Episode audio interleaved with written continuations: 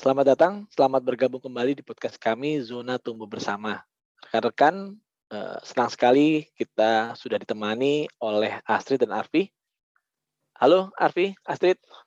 Halo Win. Halo, Halo, Halo Dred. Windu, apa kabar? Halo. Ah, Baik, Selamat alhamdulillah. pagi, siang, sore, dan Nah, malam. sehat-sehat ya. Ya kan tergantung yang denger ntar kan. Iya, tergantung yang denger ya. Iya benar-benar benar benar.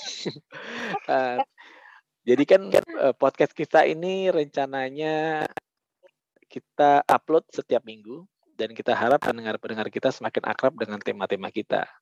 Kita sepakat ya bahwa podcast kita ini untuk membagi cerita, refleksi filosofi-filosofi harian yang tidak melakukan judgement, nggak ngajarin Hmm. orang, tapi kita ingin berbagi nih, ya kan?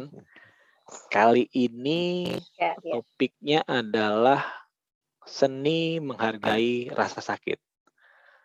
Orang itu perlu memilih pain of discipline or pain of regret.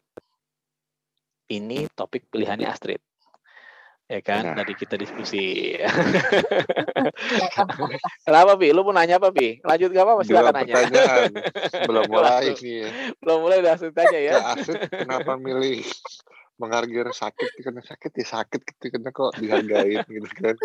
Terus ke Widu nih ini gue pertanyaan apa ya pertanyaan basic banget sih kenapa harus ada dipilih sih pain of discipline sama pain of regret itu tadi tolong jelaskan kepada saya yang awam ini Silakan Astrid, Astrid duluan deh. Eh, Iya, karena kenapa gue pilih topik ini? eh, gue eh, jujur tuh ngalamin banget. Jadi yang namanya pain of discipline, tapi eh, akhirnya ngerasain gitu di kemudian hari. Oh, untung gue eh, mau ngejalanin eh, segala macam disiplin yang mungkin dulu ya kalau gue tuh mungkin gue sekalian sharing sedikit nggak apa-apa ya. Iya, Jadi silakan. gue dari kecil dari umur lima tahun nyokap gue tuh udah ngelesin gue nari kan. Nah Hmm. eh, yang namanya eh, les nari itu kebetulan pertama kali gue belajar tari Bali. Kalau gue boleh sharing juga, guru-guru tari Bali zaman dulu itu galak banget dan disiplin banget gitu.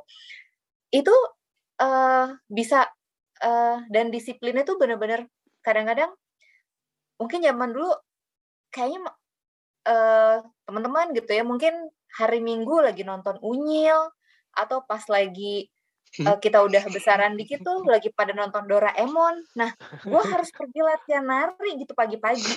Gue dulu itu tuh dulu gue harus dan nyokap gue tuh selalu bilang kamu masalahnya berbakat kata nyokap gue gitu. Makanya kenapa mama Hmm, eh, kirim kamu les nari gitu.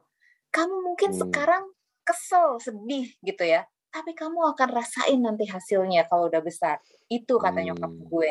Dan eh, ya akhirnya eh, no choice. Gue emang eh, nurut gitu sama nyokap gue. Ngejalanin itu disiplin. Kesel gitu. Pernah harus sampai nangis-nangis gitu kalau disuruh eh, pergi latihan nari gitu. Iya, Kayaknya iya. kok dulu kan kita sekolah sampai Sabtu kan. Ya, libur kita kan cuma hari Minggu kan. Sementara teman-teman yang lain mungkin atau saudara atau adik gue, gue ngeliat hari Minggu pagi-pagi masih layeh-layeh. Gue jam 6, setengah tujuh udah harus berangkat gitu untuk latihan nari. Hmm. gitu. Tapi at the end, gue begitu lulus SMA nih. Jadi tahun 97 tiba-tiba pimpinan sanggar gue nelfon. Astrid, Tante mau ajak nih misi kebudayaan keluar eh, eh, mau ajak misi kebudayaan ke luar negeri. Astrid mau nggak? Hah? Mau dong, gue bilang gitu. Ke mana tante? Ke mana tuh? Ke Amerika. Jadi teman-teman Oh, mau mantap. jadi, jadi itulah one of mungkin di situlah gue ngerasain banget. Mungkin kalau gue dulu nggak nurutin nyokap gue, ngejalanin hari-hari weekend gue untuk latihan nari, mungkin gue nggak akan eh, ngerasain pergi ke luar negeri, keliling dunia, dibayar gue cuma bawa badan dengan my skill dancing. Udah that's it. Hmm. itu sih. Jadi Ya, gue ya, paham ya. banget nih pilihan topik pain or discipline or pain or regret. Mungkin gue nanti gila ya kalau gue berus eh, gue tetap eh, ngelawan nyokap pokoknya gue nggak mau gitu ya. Mungkin gue ketika ngeliat temen gue yang diajak keliling dunia gue nangis bomba ya sih Itu harusnya gue gitu ya. Iya. aduh kalau gue dulu nurut nyokap gue latihan nari terus tiap minggu gitu ya jadi gue bisa bayangin itu di topik gitu loh eh, Vi Iya, iya, iya. iya. oh, oke. Hmm. Nah cuman itu aja kenapa? Gue ngerti ini. Pain of discipline sama pain of death itu apa? Nah itu mungkin Dokwin Tolong. bisa Tolong jelaskan. Iya iya. Eh, ini kan eh bagian dari pilihan ya, Via.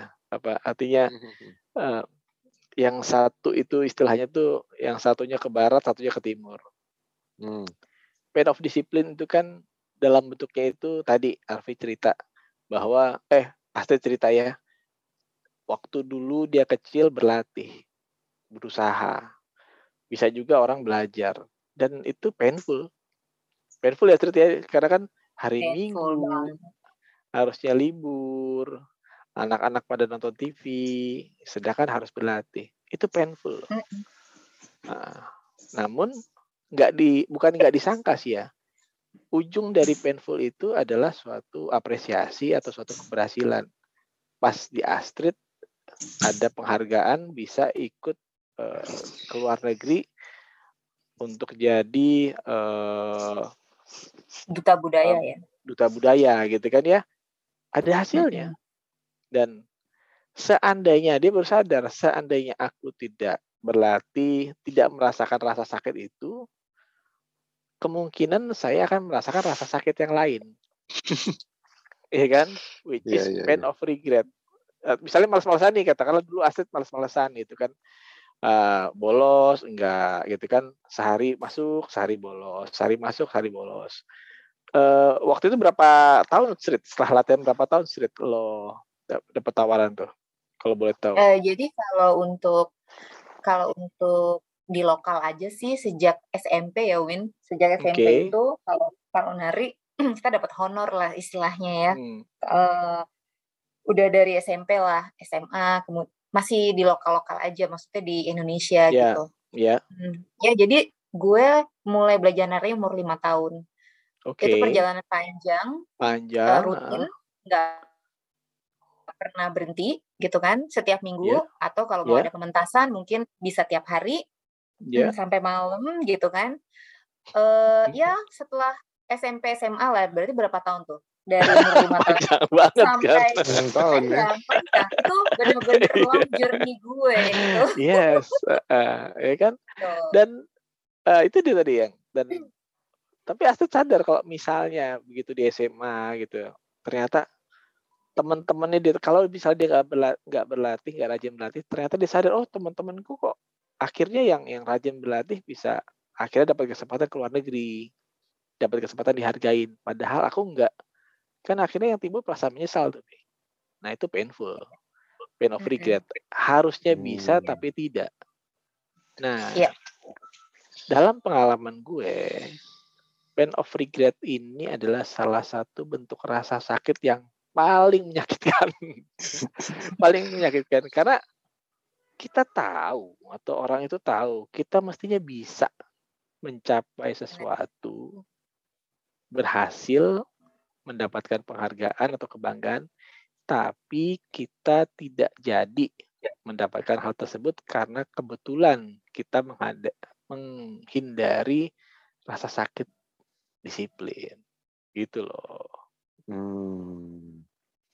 Iya. Iya, iya, iya, iya. karena Jadi- karena kalau yang gue alamin eh, disiplin itu untuk suatu hal yang eh, ini kalau gue kalau yang gue alamin kan di luar di luar sekolah atau akademik ya itu Hmm. pasti banyak eh, kalau nggak kalau nggak bener-bener ada yang dorong banget selalu support itu emang berat sih. Kalau misalnya mungkin dulu nyokap gue juga ya udah terserah lo terserah kamu deh gitu ya.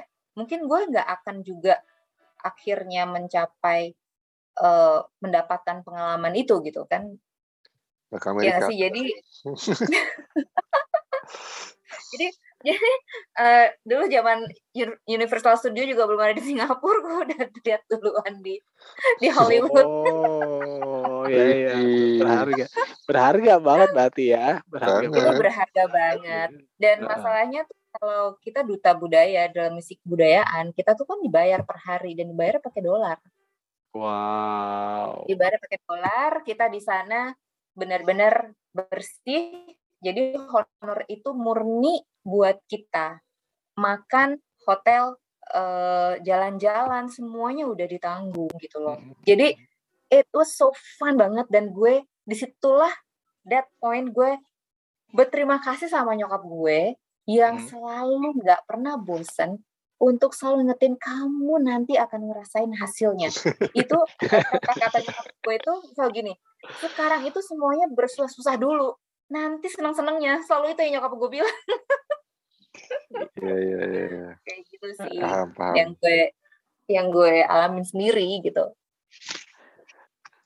Gitu. Kalau lu nah kalau lu lu waktu main musik emang lu suka atau kayak asli ceritanya nih? Atau kenapa, uh, kenapa? lu lu tuh kan uh, main musik kan dari dari kecil kan. Lu hmm. ceritanya kayak Astrid juga atau emang lu suka? awalnya disuruh sebel uh. terus uh, pas di SMP senang sendiri senang sendiri kan tapi awalnya sebel kan painful kan sebel sebel karena ah apalagi gue belajar klasik lagi kan ya uh. sama kayak asli sih jadi emang boring sih cuman ternyata pas sudah mulai main orang seneng gitu kan wih keren juga nih gitu kan hmm Iya kan? Jadi hmm. uh, konsep disiplin itu uh, kalau sudah tahu, kalau kita sudah mengerti, di ujung tuh kitanya atau orang itu pasti udah untung ya gue dulu kayak gitu. Untung ya gue dulu hmm. Istilahnya disuruh bokap nyokap gue atau untung deh gue nurut atau untung deh gue disiplin. Disip, ah, tapi banyak banget ya yang anak muda atau orang yang sekarang sudah usianya udah dewasa yang nggak ngerti pain of discipline ini ternyata punya ujung yang bagus buat dia dan dia iya, berhenti ya, ya, ya. di menyalahkan menyalahkan ah gue dipaksa sih apa pun itu ya gue dipaksa les bisa les matematika, bisa les musik, bisa les atau basket. Dia berhenti di situ. Gue gue maunya yang lain. Dan dia nggak pernah bisa mencapai level terampil atau buru-buru master gitu ya. Self master itu nggak nyampe karena dia menghindari self discipline itu, nggak suka banget sama rasa sakit itu.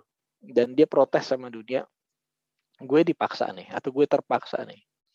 Nah, tapi tidak membentuk satu salah satu skill pun sampai dia usia dewasa atau sampai dia nanti besarnya. Nah, yang paling sering itu jadinya regret. Mm-hmm. Jadi pada saat dewasa udah seharusnya bekerja atau dia udah kuliah tidak punya salah satu skill pun yang bisa dipakai untuk kehidupan. Hmm. Yang ya.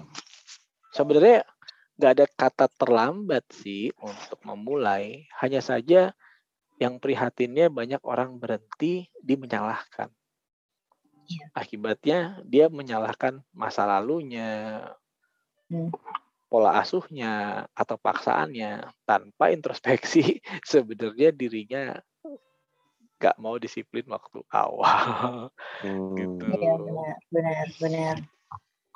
Nah, bertanya dong ini, Berarti kan yeah. kalau ini korek me if ya. Jadi kalau yeah. pain disiplin itu kan ibaratnya uh, sekarang-sekarangnya lah ibaratnya gitu. Kalau yeah. pain of regret itu kan uh, afternya nantinya. Yes. Gitu kan.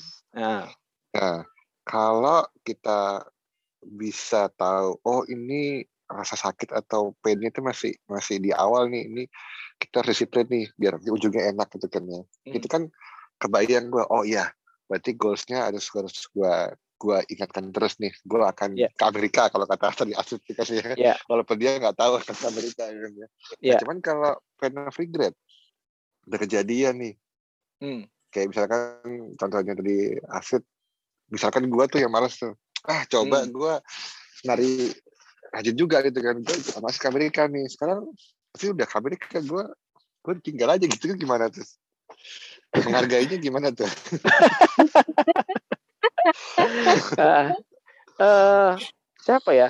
Eh, kalau nggak salah gini, ini gue kalau dari pertanyaan gue inget quotes-nya Richard Branson ya, yang punya apa? Yang punya Virgin Air itu loh. ya Ah, Chad Brown ya ah. ya, ah, dia itu bilang bahwa kesempatan dalam hidup tuh kayak bis. Seperti kita nunggu bis. Hmm. Bis itu akan datang berkali-kali. Isunya apakah kita siap lompat dan masuk ke dalam bis itu apa enggak? Saat orang itu menyesal atau regret, dia perlu satu titik, oke deh, gue akan berbuat lebih baik lagi kalau ada kesempatan berikutnya. Oh, Hmm. atau ada kesadaran gue mesti eh, punya skill yang membuat gue itu bisa dihargain atau berguna bagi orang lain. Nah, turning point-nya di situ sih, Vi. Tapi kalau dia Oh. berhenti di rasa menyesal, aduh, anak SMA pun bisa ngerasa ketuaan gitu loh. bisa bisa kan? Aduh, teman gue udah Iya. yang satu udah jago nyanyi, yang satu udah jago ngeband, yang satu udah jago main piano, yang satu udah jago nari. Gue mau- nggak punya kejagoan. Banyak loh Hmm. anak-anak SMA pun Iya. nyesel gitu ya. Gitu. Aku tuh nggak Iya, punya iya, iya. skill menyalahkan diri sendiri. Padahal bisa banget buat belajar gitu loh. Umur orang umur kita aja bisa kok untuk mempelajari salah satu skill baru. Hmm. Tapi masalahnya mau nggak ya kita untuk painful lagi kan gitu ya. Oh, Gitu, jadi Pak. baik lagi gitu ya. Iya. Ya udah regretnya udahan ya. Sekarang eh, back to painful disiplin lagi, mulai lagi Iya. gitu ya. Heeh. Nunggu bis berikutnya. Yes. Heeh. Nunggu Ya, ya, another ya. opportunity dan selagi menunggu itu kita sudah mengasah. Karena kan Hmm. untuk hop in itu perlu perlu untuk Terus skill juga ya. iya. Karena kalau kita nggak punya keterampilan, kita nggak tahu kapan bis itu datang. Hmm. Iya kan? Kita miss opportunity berkali-kali karena kita nggak tahu bis mana yang mau akan kita lompatin gitu loh. Kita nggak tahu tujuannya kan. Atau bisnya berhentinya cuman kayak jangan dulu ketemu itu. Berhenti tapi nggak berhenti kan. Jadi kita harus Yes. harus siap-siap kaki in. kiri. Yes. Kaki kiri naik. Heeh. yes, harus hop in. Atau jangan-jangan lu nunggunya di tempat yang salah lagi. Nah, Hmm. iya kan? Heeh, kan? Atau udah nunggu di tempat yang benar kita nggak tahu bisnya lewat jam berapa. Hmm. Ya kan? Kita salah dulu. Iya, betul betul. Iya. Ah, gue pas ya, inget ya, betul. Heeh.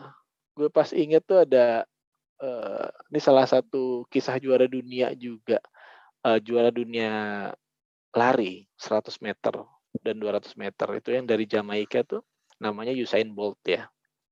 Gue- Iya. Pernah lihat dia lagi latihan di apa di sa- salah satu YouTube-nya itu. Oh, Dia itu- kirain latihan di tempatnya dia nonton gitu. Waduh, keren banget ya. Seandainya ya bisa ketemu ya. Kita Eh. melihat ngamatin, ternyata waktu dia latihan itu dia bilang latihannya itu berat banget. Dan dia bilang dia benci istilah rasanya itu dia benci banget. Saat latihan tuh di misalnya udah painful, kata kata dia tuh udah rasanya hampir mau mati gitu loh. Istilahnya, Hmm. waduh, painful banget ini. Tapi dia berlatih setiap hari. Saking painfulnya itu ayahnya itu bilang di di eh, dokumenter itu bilang saya nggak tahan ngelihat dia latihan, saya nggak berani datang ke tempat latihan karena kasihan banget itu. Rasanya saya mau nangis kalau dia latihan. Nah, tapi yang menariknya untuk seorang juru, juara dunia kok mau gitu ya? Kok mau dia tetap berlatih, tetap menjalani rasa painful itu karena dia tahu konsekuensi dari painful itu. Dia tahu bahwa dia bilang bahwa sebenarnya yang paling berat adalah latihannya. Usain Bolt bilang gitu. Kalau sudah lomba ya udah. Itu udah lebih mudah. Yang paling sulit adalah bagaimana kita berkomitmen pada saat latihan dan kita benar-benar perform istilahnya all out pada saat latihan. Kalau udah lomba itu udah yang lebih mudahnya lah kata dia. Dan Hmm. menarik itu itu filosofi pain of discipline tuh kelihatan banget pada saat dia berlatih. Jadi filosofi itu bisa dipakai di olahraga banget, dipakai di olahraga, tapi juga bisa dipakai di seni tari dan seni yang lain ya, nggak Iya. cuma di yang kompetitif ya, gitu ya. Oh, oh, bener. Karena kan eh, istilahnya intinya kan kalau mau berhasil kan pasti ada usaha kan ya. Atau istilahnya no pain no gain. Ya kan? Yes, atau kalau nenek moyang kita bilang bersakit-sakit dahulu bersenang-senang kemudian gitu Iya. ya. Iya. Ya, itu berakit-rakit dahulu nyokap gue juga bilang tuh susah dulu bersenang-senangnya nanti. Iya dan itu hebat sih filosofi itu kan hebat kan ya. Itu dari dulu kan dari kita kecil kan dan iya benar. emang begitu. Ber, Mm-mm. kalau kita mau ber- bersusah payah di awal di ujungnya kita menikmati hasil kerja keras kita dan kita terhindar dari painful akibat menyesal regret Hmm. Jadi jangan sampai dibalik ya pepatahnya itu ya bersakit-sakit dahulu bersenang kapan akan ada lah ya gitu ya saatnya Eh, yang menarik kan bahwa eh, ini banyak kok banyak orang atau orang tua yang lupa mengajarkan filosofi ini sih. Kalau misalnya, alhamdulillah mamanya Astrid, eh, orang tua Arfi atau kebetulan bokap nyokap gue udah ngerti bahwa suatu saat kalau kamu pelajarin skill ini akan ini akan membantu kamu di kemudian hari. Karena kan eh, yang namanya bukan hanya bisa kan kalau kita berlatih dari kecil itu kan bukan hanya bisa tapi keterampilan kita istilahnya tuh muscle memory kita kan jadi kan ya Hmm. kalau orang itu berlatih tuh dia dia menjadi refleks dari dia. Istilahnya subconscious kita refleks kita pikiran bawah sadar kita tuh terbentuk.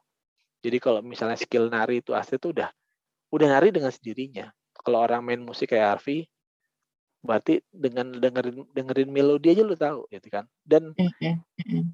itu bukan hanya membawa eh, di dalam kehidupan nari, nari jagonya nari aja. Musik jagonya musik aja. Kan enggak itu kan ngeblend dengan kehidupan yang lain kan berarti Iya, kan iya. lo lebih fleksibel lebih terinspirasi lebih intuitif dan itu kan lo ngerasain sekarang. Eh, membantu lo atau kita dalam kehidupan sehari-hari kita. Muscle Benar, memory benar. dan reflex seperti itu. Benar benar benar Bertanya Win, kalau misalkan tadi kan kalau lu bilang ya kita beruntung punya orang tua yang memang men- bisa menjaga kita untuk tetap disiplin gitu kan ya. Iya. Ayo nanti bagus nanti anak segala macam.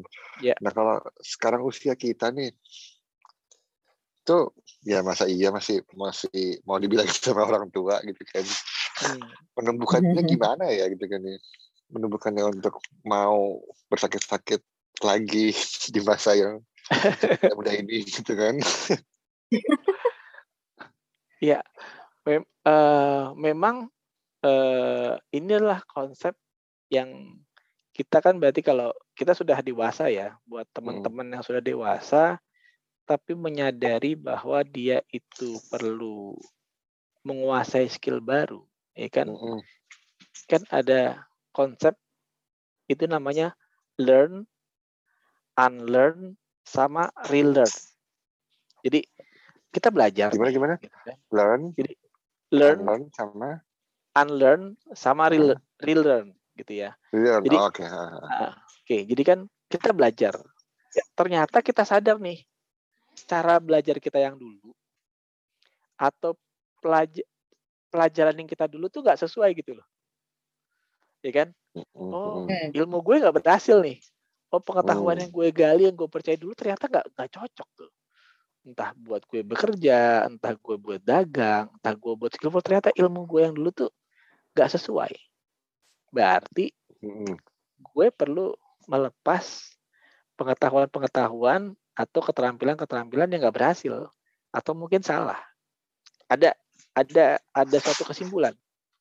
Dan kan ada kan repot kalau misalnya dia tahu pendekatannya salah tapi masih dicoba aja. Iya kan? Iya, Iya iya. Udah tahu nggak masuk, udah tahu nggak sesuai, tapi maksa aja. Gue taunya begini, itu banyak deh. Sedih juga kalau gitu. Itu bahasa Inggrisnya kekeh itu. Kekeh mereka cuma keh gitu ya. iya. ya kan udah tahu nggak salah udah tahu nggak berhasil tapi ngotot aja gitu nah pada saat konsep itu dia mesti unlearn berarti caranya salah dia perlu cari sumber-sumber yang baru gitu kan? Perlu belajar dari orang lain perlu sharing. Nah saat dia dapat dia perlu belajar lagi kan? Perlu relearn kan gitu ya. Di usia sekarang Hmm. di usia kita maupun usia yang lebih lanjut juga nggak apa-apa. Dengan belajar lagi berarti kan oh ternyata ada cara yang lebih baik loh untuk bisa berhasil.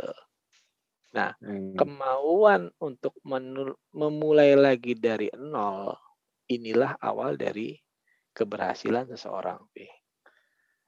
Iya iya iya. iya. Tapi Win, Ya? banyak juga nggak sih, gue nanya ya, Hmm. banyak juga nggak sih orang yang udah seperti yang lo bilang tadi, kok nggak berhasil-berhasil ya, Hmm. tapi dia nggak mau berusaha membuka pikirannya untuk mer- merasa, oh ya ini salah, gue harus cari sesuatu yang baru. Nah, kadang-kadang itunya juga ya Win ya, kadang-kadang susah juga tuh. Maksudnya, eh untuk orang-orang yang seperti itu gimana jadinya Win? Terus Ya, jawabannya betul. adalah episode ketiga gagal move on. Oh iya betul. iya, episode kayak gitu. ya. Mungkin teaser Ya. teaser teaser dikit. Ah, iya. ya teaser ya. Itulah Iya. yang disebutkan dalam dalam dalam konsep kita. Their philosophy doesn't serve them well, gitu kan? Hmm. Jadi Ikut yang pertama gue inget nih kalau nggak salah. Eh move on satu ya apa ya? iya, jadi kan Hmm. Iya iya iya. iya. filosofi yang mereka anut itu nggak melayani mereka dengan baik.